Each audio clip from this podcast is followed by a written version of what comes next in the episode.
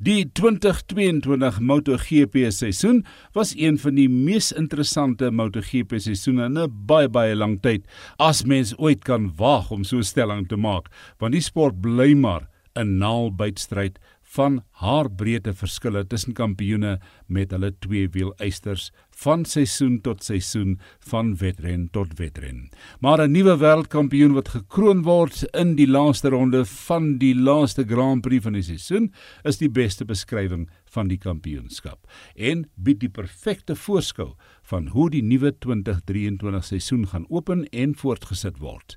Die verdedigende en nuwe kampioen was so na aan mekaar dat hulle mekaar byna uitgeneem het tydens hierdie laaste wedren en op die punteleer moes Francesco Bagnaia slegs 14de eindig om die nuwe wêreldkampioen te word, want hy was 23 punte voor sy naaste teenstander Fabio Quartararo.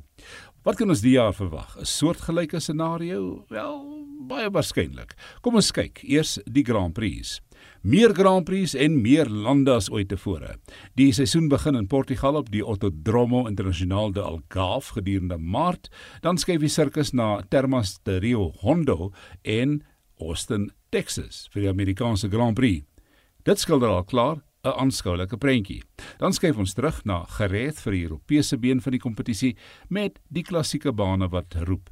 Die 1000ste Grand Prix op Le Mans, dan volg Mugello, Sachsenring en Assen en sien daar Tjufchaf is 8 Grand Prix reeds verby.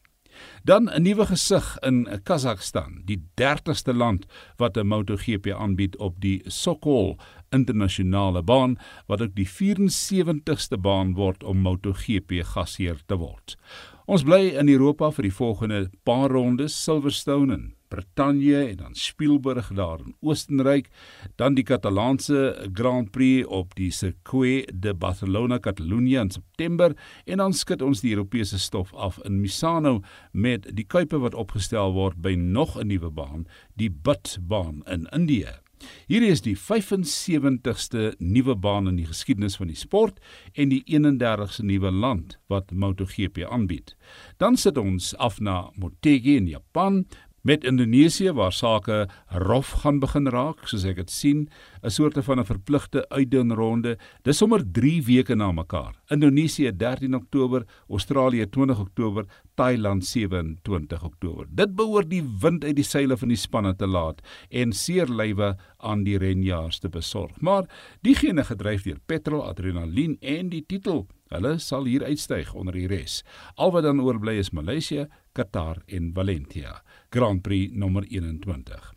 Ons het reeds gesien in die verlede dat spanne 'n goeie motorfiets lewer, maar dat dit die talent is wat die beste uit daai pakket kan haal, soos in 2022. Pecco Bagnaia het die kampioenskapstitel gewen met een enkele besluit. Toe hy met die nuwe 2022 Ducati motorfiets sukkel, het hy gevra: "Span, Ek wil die ou onderstel hê. Dit was so in die middel van die jaar in Duitsland wat hy vra vir die ou onderstel. Daarna het hy 91 punte agterstand van Fabio Quartararo stelselmatig uitgewis en die kampioenskap so gewen. Sal ons weer sulke brawe besluite sien uitspeel van die jaar? Ja, ek dink so. En nou die belangrikste veranderinge deur spanne. Suzuki onttrek uit die sport se premierklas met 'n fantastiese Valentia oorwinning deur Alex Rins. RNF Racing gaan omskakel vanaf Yamaha na Aprilia. Tech 3 KTM fabriekspan word nou Gas Gas fabriekspan. Hulle gaan steeds gebruik maak van KTM maar onder die Gas Gas logo. Die MotoGP naweek gaan ook verander met Vrydag oefensessie 1 en 2 en 'n derde oefensessie op Saterdagoggend. En nou die verandering. Die kwalifikasiesessie vind daarna plaas, maar 'n nuwe aspek, soos in Formule 1, 'n sprintreis, 'n mini-wedren, word dan daarna aangebied vir ekstra opwinding vir die skares. Dis ongeveer so lank as 50% die helfte van die totale wedren afstand. Punte word ook hier verdien, maar dit beïnvloed nie Sondag se wegspringrooster nie. Nou die renjaarspersoneel Jack Miller los Ducati fabriekspan en word Brad Binder se spanmaat by KTM fabriekspan. Hy neem Miguel Oliveira se sitplek oor wat skuif na RNF Aprilia MotoGP span. Alex Marquez verlaat LCR Honda en vervang Enea Bastianini by Gresini Racing. Bastianini word opgeskuif na die Ducati fabriekspan en vervang Jack Miller. Alex Rins skuif na LCR Honda vanaf Suzuki wat nie meer bestaan nie in die plek van Alex Marquez. Paul Espargaro sluit aan by die nuwe Gas Gas fabriekspan en sy plek by LCR Honda word oorgeneem deur Joan Mir. Raul Fernandez skuif na RNF Aprilia MotoGP span vanaf Tech 3 KTM fabriekspan.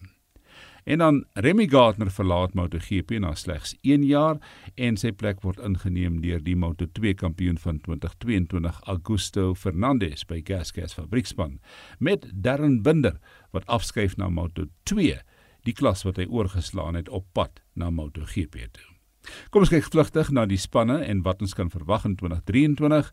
Ducati het so ontwikkel dat hulle die nuwe seisoen met 'n huppel in die stap ingaan. Hulle het nie meer nodig vir veel opgradering en verandering nie.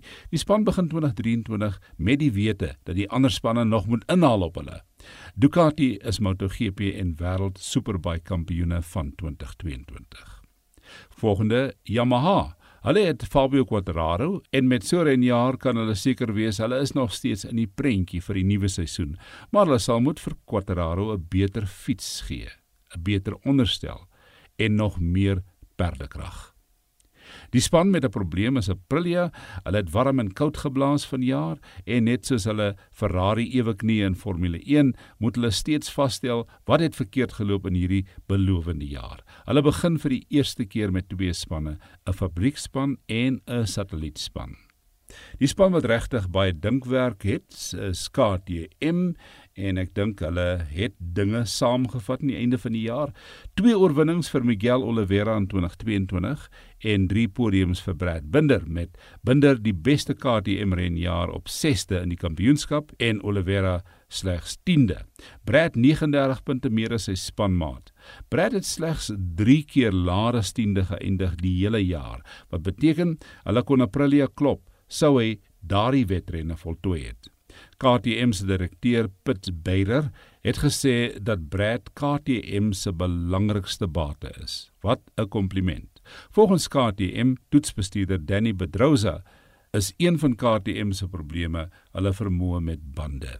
Die balans tussen hard en sag en hulle hoop ten minste dat die probleem uitsorteer kan word. Brad het 3 onderstelle getoets op die laaste naweek van 2022 en volgens hom is een van daai 3 onderstelle 100% beter as die ander. Honda het 'n opdraande stryd, weet jy wat gaan met hulle gebeur nie en hulle sal nog steeds aan die agterspeen suig. 'n Moeilike fiets om te hanteer. Ons voorsien 'n wonderlike MotoGP seisoen wat voorlê.